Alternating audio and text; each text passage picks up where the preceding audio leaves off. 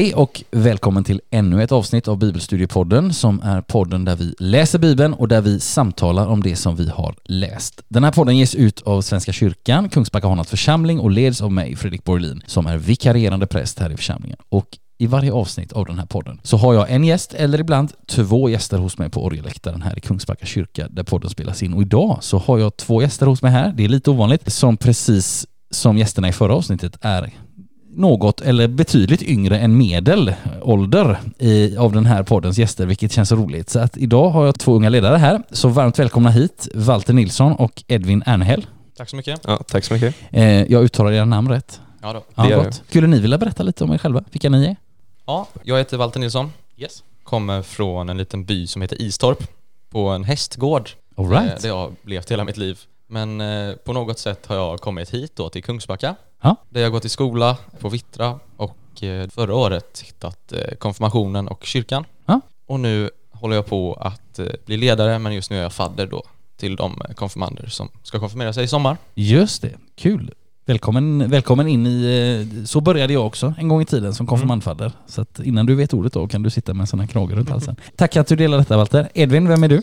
Ja, jag heter Edvin. Japp. Jag bor i eh, Kungsbacka här, konfirmerade mig förra året Mm. med eh, Walter.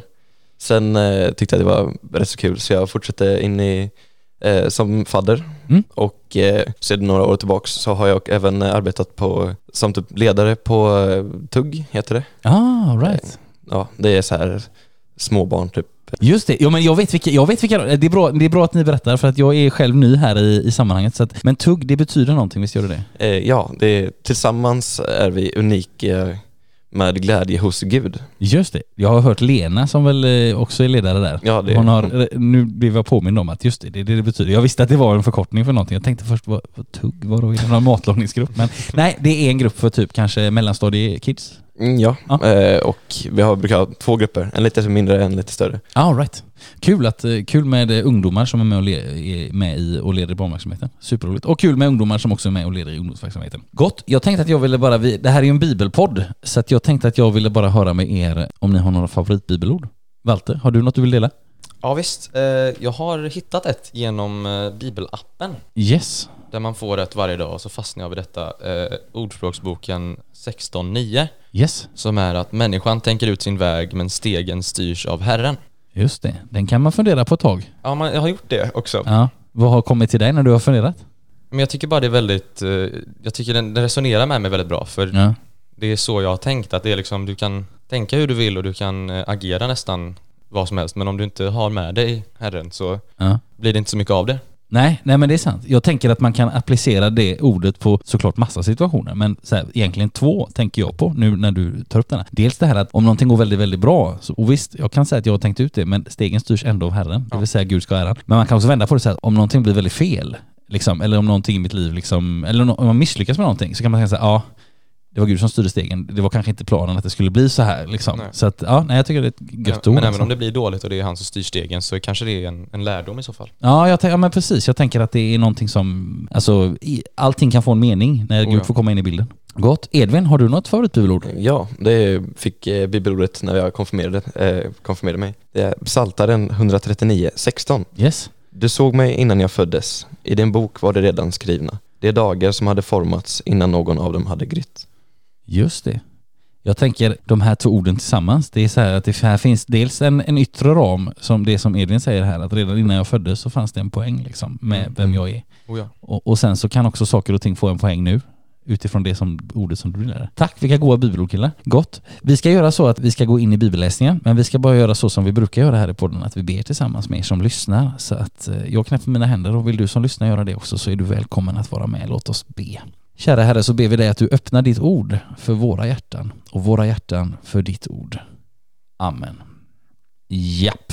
Några ord bara innan vi ska börja läsa och fundera över det som vi läser, som är det vi gör här i podden. Idag ska vi läsa Johannes 20, det näst sista kapitlet hos Johannes och dagens kapitel utgör kan vi säga en ganska rejäl vändning. I förra kapitlet när Bella och Miriam var här så handlade det om Jesu lidande och korsfästelse och död och begravning. Men i dagens läsning så vänder det. Nu får vi läsa om det som förändrar allt. Inte bara för lärjungarna och för Jesus, inte bara för att allt som Jesus har sagt och gjort kommer ett nytt ljus i och med att han uppstår, utan vi får också läsa om det som förändrar allt för oss om vi väljer att våga, vilja, tro på det som står här. Då får också, det, får också våra liv en ny dimension. Så att det blir en rejäl vändning i dagens kapitel. Och vi ska köra igång med läsningen och det är Walter och Edvin som kommer att läsa, inte, inte tillsammans eller vartannat ord utan vartannat avsnitt. Och så att det blir Walter som börjar läsa stycket som i våra biblar här eh, heter Maria från Magdala och två lärjungar vid graven. Tidigt på morgonen efter sabbaten, medan det ännu var mörkt, kom Maria från Magdala ut till graven och fick se att stenarna för ingången var borta. Hon sprang genast därifrån och sade till Simon, Petrus och den andra lärjungen, den som Jesus älskade, de har flyttat bort Herren ur graven och vi vet inte var de har lagt honom. Petrus och den andra lärjungen begav sig då till graven. De sprang båda två, men den ena lärjungen sprang fortare än Petrus och kom fram till graven före honom. Han lutade sig in och såg linnebindlarna ligga där, men gick inte in. Simon Petrus kom strax efter och han gick in i graven. Han såg bindlarna ligga där, liksom duken som hade täckt huvudet. Men den låg inte tillsammans med bindlarna utan hoprullad på ett ställe för sig. Då gick också den andra lärjungen in, han som hade kommit först i graven. Och han såg och trodde. Ännu hade de nämligen inte förstått skriftens ord, att han måste uppstått från de döda. Lärjungarna gick sedan hem igen.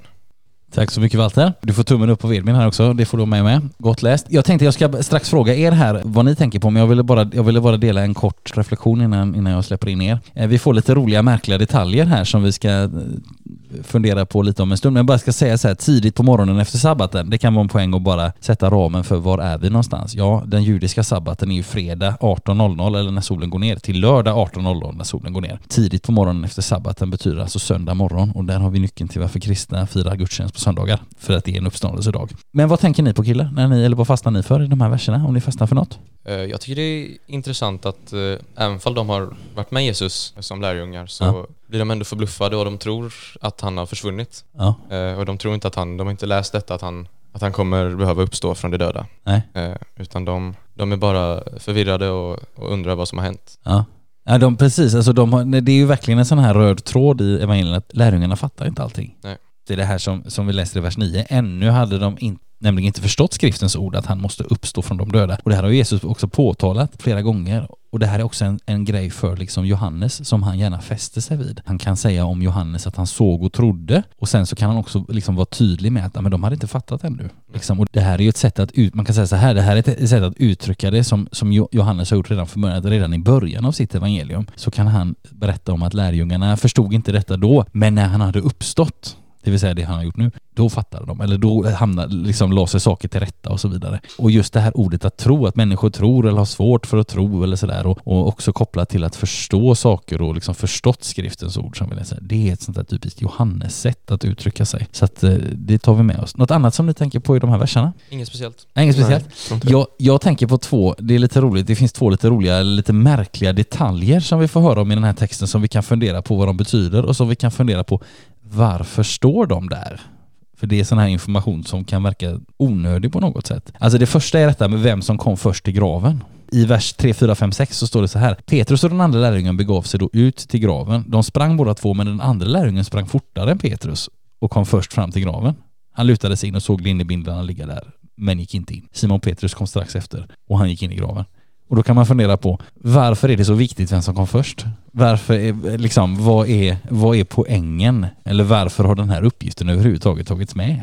Det är en bra fråga det. Ja, ja det, alltså det är intressant. Jag tänker, vi skulle, man kan säga så här, vad kan detta handla om? Ja, man kan, man kan göra ett litet tankeexperiment. Så jag tänker så här, jag frågar er båda, eh, Walter och Edvin, så här. Alltså om ni båda fick höra om en stor oväntad, helt otrolig nyhet i Kungsbacka, som det hade ryktats lite om men som ingen riktigt trodde på. Och så visade det sig att det här har hänt. Vi behöver inte definiera vad det skulle kunna vara, men någonting väldigt otroligt, väldigt, väldigt, liksom, väldigt stort har hänt på andra sidan Kungsbacka liksom, från, från där vi sitter nu. Och ni beslutar er för att springa dit till andra sidan stan och kolla om det stämmer.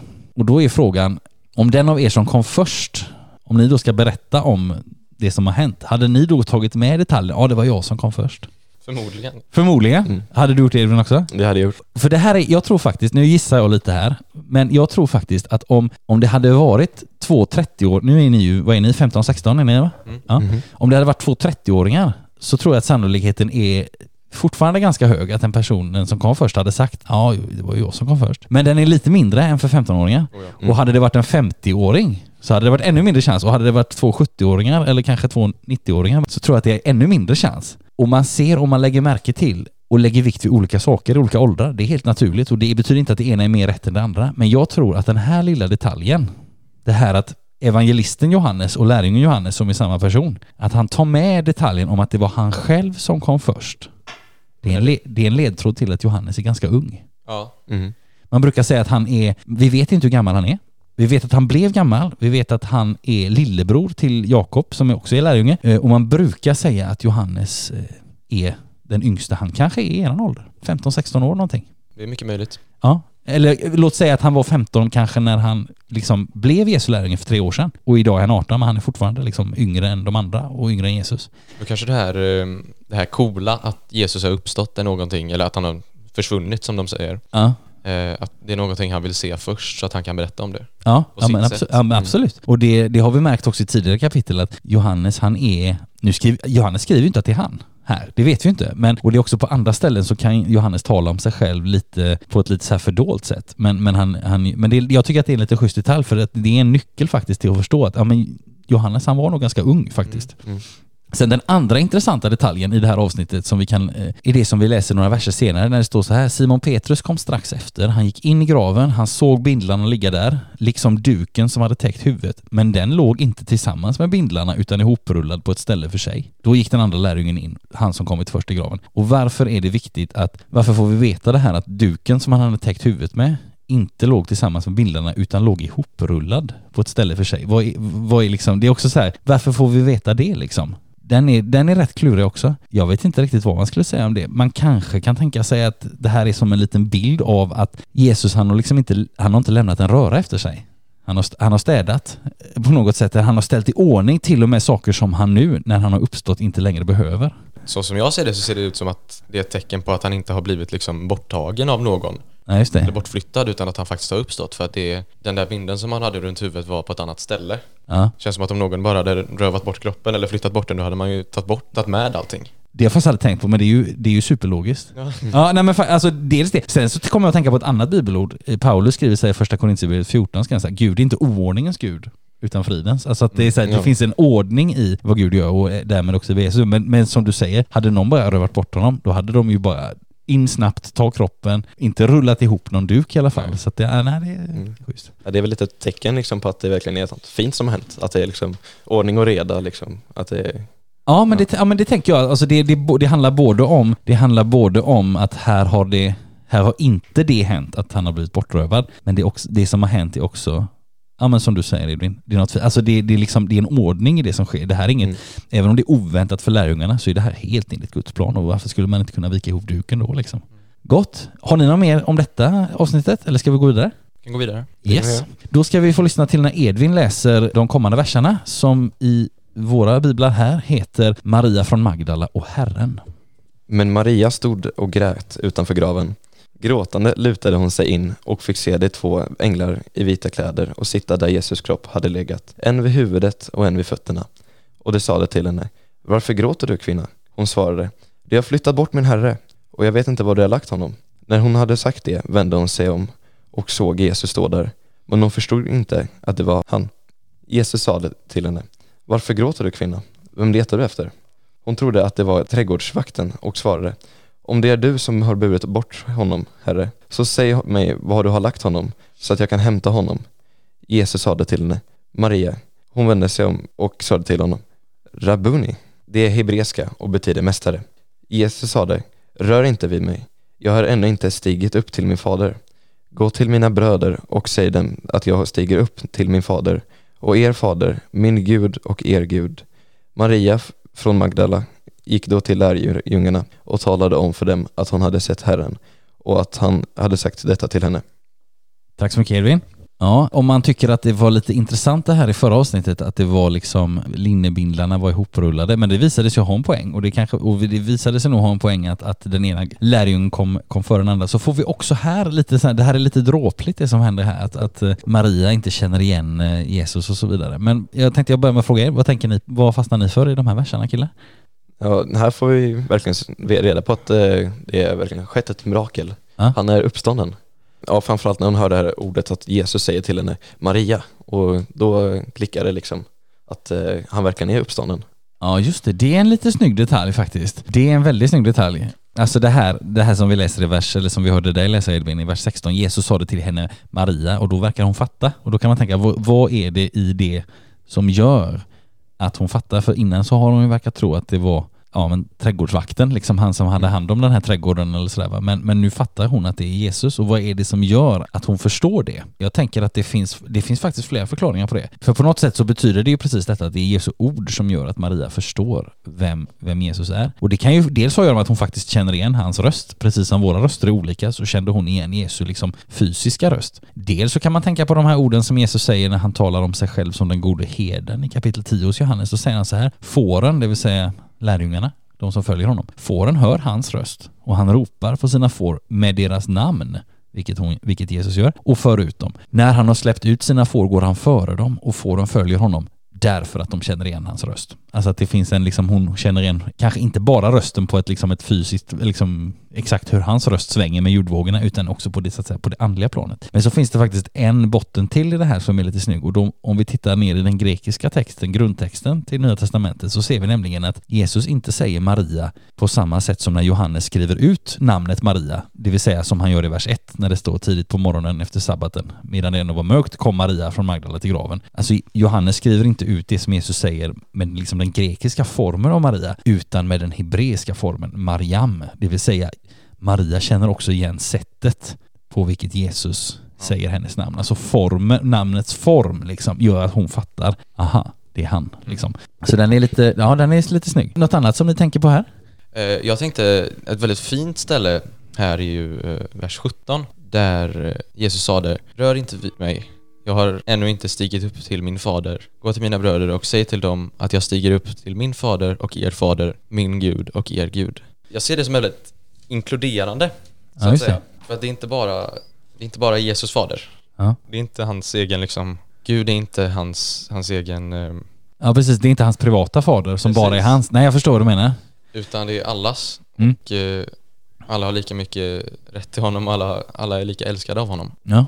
Eh, samma min Gud och eran Gud. Nej, nej men precis, han bjuder liksom, som du säger, han bjuder verkligen in Ja, lärjungarna, eller de han pratar med, eller i det här fallet Maria från Magdala då, att säga att det här är det här är min fader, men det är också er fader. Det här är min Gud, men det är också er Gud. Och det är också en sån här nyckelgrej i vad händer med Jesu död och uppståndelse. Jo, i- Vi läser också evangelierna, det blir ju lite, s- det, det minns vi från förra kapitlet, att eh, det här att när Jesus dör så brister förhänget i templet, så uppifrån och ända ner. Och vad betyder det? Jo, det är ju att alltså förhänget som har liksom varit som en vägg eller en barriär mellan Gud och människor bryts ju, så att barriären är liksom, den finns inte längre i och med det som Jesus gör. Och det, det hänger ju på ett sätt ihop med, alltså nu har Gud nu är Gud närmare människorna på något sätt. Och det hänger ihop med detta som, som Jesus säger här. Att den som han har talat om som min fader, hela Johannes evangeliet kan han ju också säga, det är också er fader. Så att det är, det är, ja jag håller med dig, det är en verkligen det är en inbjudan kan man säga. Och sen kan man, det är också intressant, om man ska ta upp något mer kopplat till den här texten, alltså dels det här, en annan tråd som hjälper oss att knyta ihop evangeliet, det är det här som Jesus säger i vers 15. Varför gråter du kvinna? Och det här tilltalet, det låter, tror jag i alla fall i mina öron, ganska oartigt. Mm. Varför gråter du kvinna? Liksom ungefär som att, jag vet inte vad du heter, eller ungefär eller sådär. Men, men i sammanhanget och på grundspråket så är det här sättet att tilltala, det är fyllt av vördnad och Det är respekt. väldigt- alltså det är, artigt, ja. ja, det är väldigt artigt och liksom, kanske man nästan kan säga intimt liksom. Och Jesus använder det här ordet åtminstone två gånger till Johannes evangeliet. Båda gångerna så pratar han med sin egen mamma. Med Mar- alltså sin mamma Maria vid bröllopet i Kana i kapitel 2 och i förra avsnittet när han hänger på korset. Det är bra att känna till det för annars tänker man vad oartig han är. Han är, är han sur eller? Nej men sådär. Och det är lite intressant. Sen är det också lite roligt i samma vers så står det om Maria där. Hon trodde att det var trädgårdsvakten.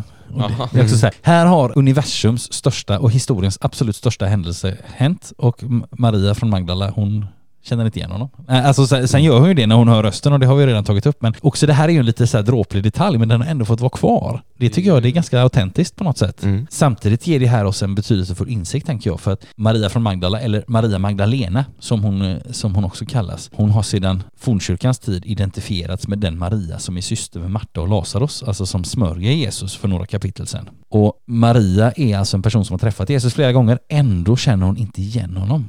Kanske för att han på något sätt ser annorlunda ut, kanske för att Maria är så inställd på att det inte kan vara han.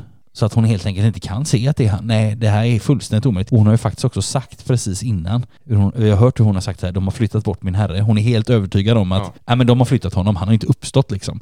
Så att det, hon, han är väl på något sätt den sista hon förväntar sig ska, ska dyka upp där.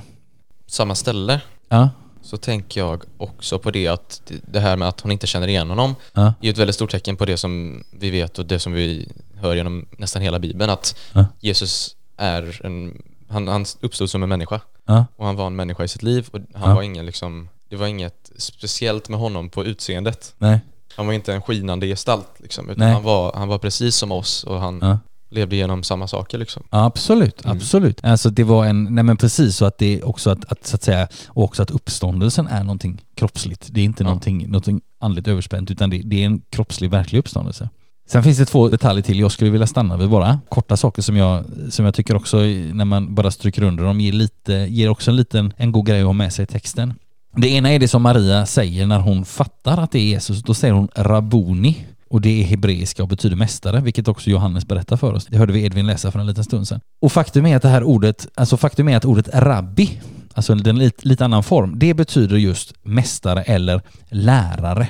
Alltså det är lite, två- det är lite, alltså det kan betyda både och. Men när ordet har den här formen rabuni så betyder det min mästare eller min lärare. Det vill säga Maria talar till Jesus, eller tilltalar Jesus, inte inte bara som en lärare vilken som helst som man kan tycka är bra eller dålig eller värd att lyssna till eller inte värd att lyssna till liksom. Utan hon säger min lärare, den som jag gärna vill ledas av, lyssna till, lita på och så vidare.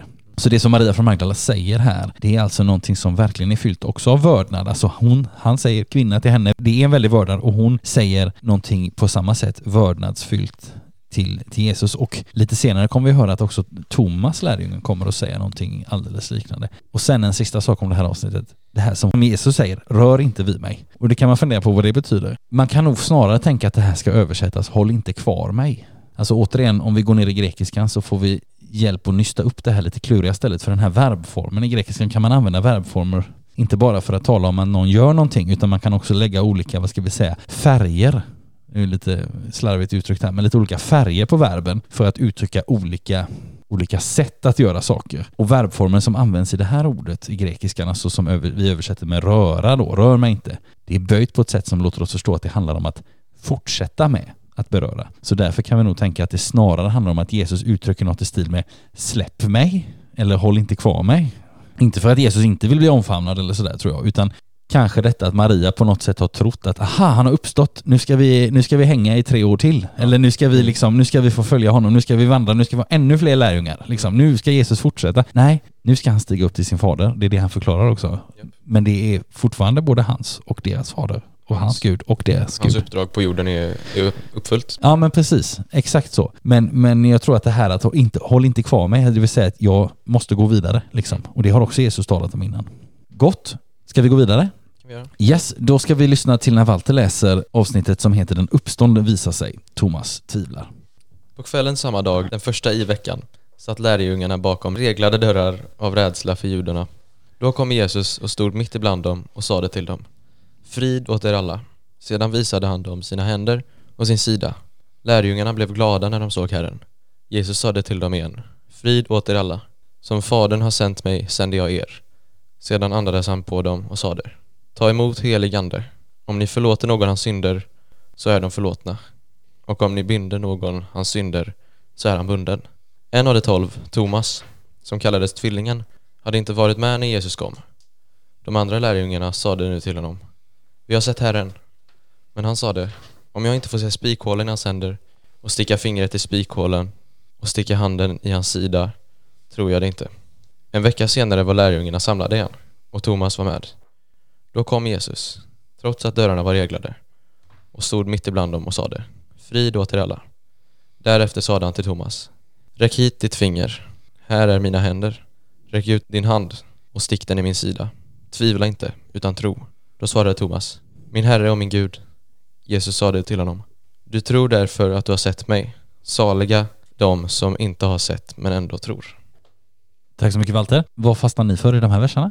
Jag fastnar det för det att eh, Jesus ändå tar sig in bland eh, lärjungarna även fast de har eh, reglade dörrar. Ja, just det. Och det räcker för Thomas att bara se honom liksom. Och istället för att gå fram och som man sa att han skulle känna i spikhålen och ta i sidan. Ja, just det. Det, det har jag faktiskt inte tänkt på, men det står ju inte att han gör det sen, utan han säger Nej. bara att jag måste få göra detta, men sen så, så gör han det. Eller så kan vi inte läsa tydligt och klart att han gör det sen. Och sen vet ju, Jesus har ju koll på att han säger kom hit och nudda mig i sidan Ja, och eh, sätt fingret i, i spikhålen ja, utan att Thomas egentligen har sagt det till Jesus. ja. Det måste ju vara någon slags tecken för honom att det här, han har hört detta även om jag inte har sagt det till honom. Ja. Mm. Och den är lite, den är klurig för att eh, precis, alltså att Jesus vet hans behov för att Thomas har uttryckt det här behöver jag och sen så vet Jesus det och sen behöver inte Thomas det som han sa att han behövde. Alltså det, det är, Mm. jag tycker det är en intressant insikt sådär att det går som i zigzag på något sätt. Något annat som ni tänker på i de här verserna?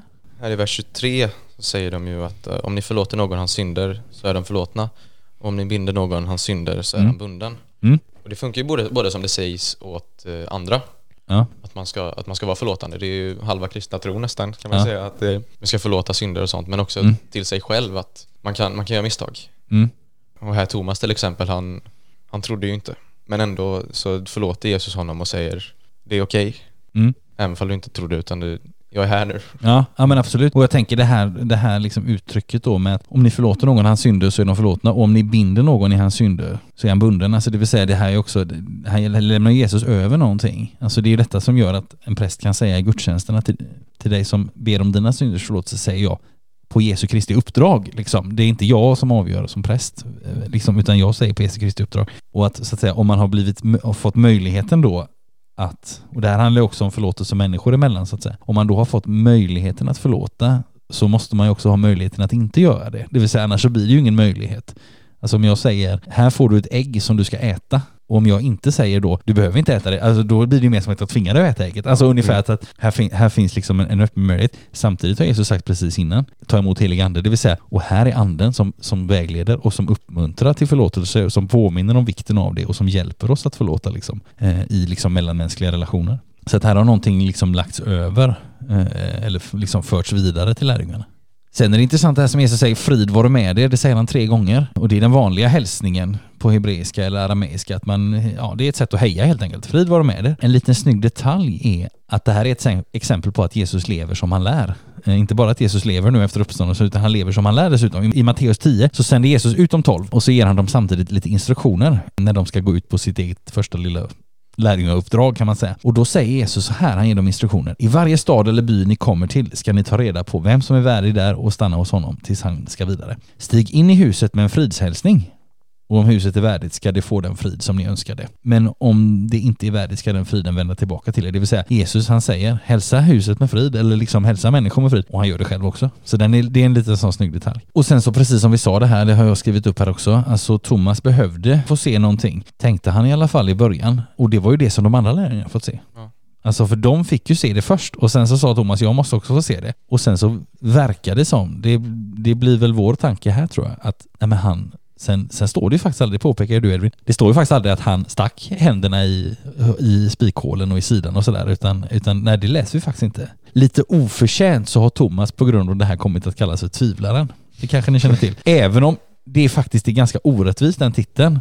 För att han var ju inte med när Jesus visade sig för de andra, när de fick se spikhålen och sidan och så. Och det är därför som han begär det han begär. Och faktum är att samtliga lärjungar i Bibeln och i historien och idag har ju tvivlat någon gång. Så att det är det, jag tycker Thomas har fått en lite oschysst titel här. Men poängen är faktiskt att han kallas aldrig för tvivlaren i Bibeln, utan det är mer någon, Ja, ja, ja. någon titel han har fått sen. Men den, jag tycker den är ganska oschysst för att, ja. Det är som när en människa, om vi säger att någon har kört, kört bil i 42 år och kört i diket en gång och blir kallad dikesköraren för resten av sitt liv. Det, det, men det, är, inte, det är inte riktigt, det är, nej, men det är lite så här, det, är- det, är en, det är en hård titel tycker jag. Samtidigt säger Jesus så här i vers 29. Du tror därför att du har sett mig. Saliga de som inte har sett men ändå tror. Det vill säga, det här pratar han ju om vår verklighet. Vi får inte se Mm. Jesus på samma sätt, men, men vi bjuds ändå in till att tro och det ligger någonting, tänker jag, liksom fördolt välsignat i att vi som inte på samma sätt som de första lärjungarna får se Jesus kan och får tro på honom. Måste, ju, måste ju vara en av de svåraste sakerna i, i vår religion, i vår tro, att vi Ja. inte får se någonting om det. nej, Inte fysiskt i alla fall. nej, Vi får ju se eh, mirakel som sker och, eh, ja. och fina saker som sker, men vi, Ja. vi får ju faktiskt aldrig se Jesus som lärjungarna gjorde. Nej, och kopplat till det som du säger eh, Walter, så tänker jag på det här som står i, som Jesus säger om anden i Johannes 14. Då stå, för då säger, Jesus pratar om att anden ska komma och så säger han så här, sanningens ande, världen kan inte ta emot den eftersom världen inte ser den och inte känner den, men ni känner den eftersom den är kvar hos er och kommer att vara i er. Det vill säga, vi ser den inte heller. Jesus säger, världen ser den inte och känner den inte, men ni känner den. Mm. Men han säger inte att vi kommer se den. Och det, är- det är ett sånt här konstaterande att nej men det, det är någonting osynligt men det är inte något okännbart. Guds närvaro går att uppleva och utforska.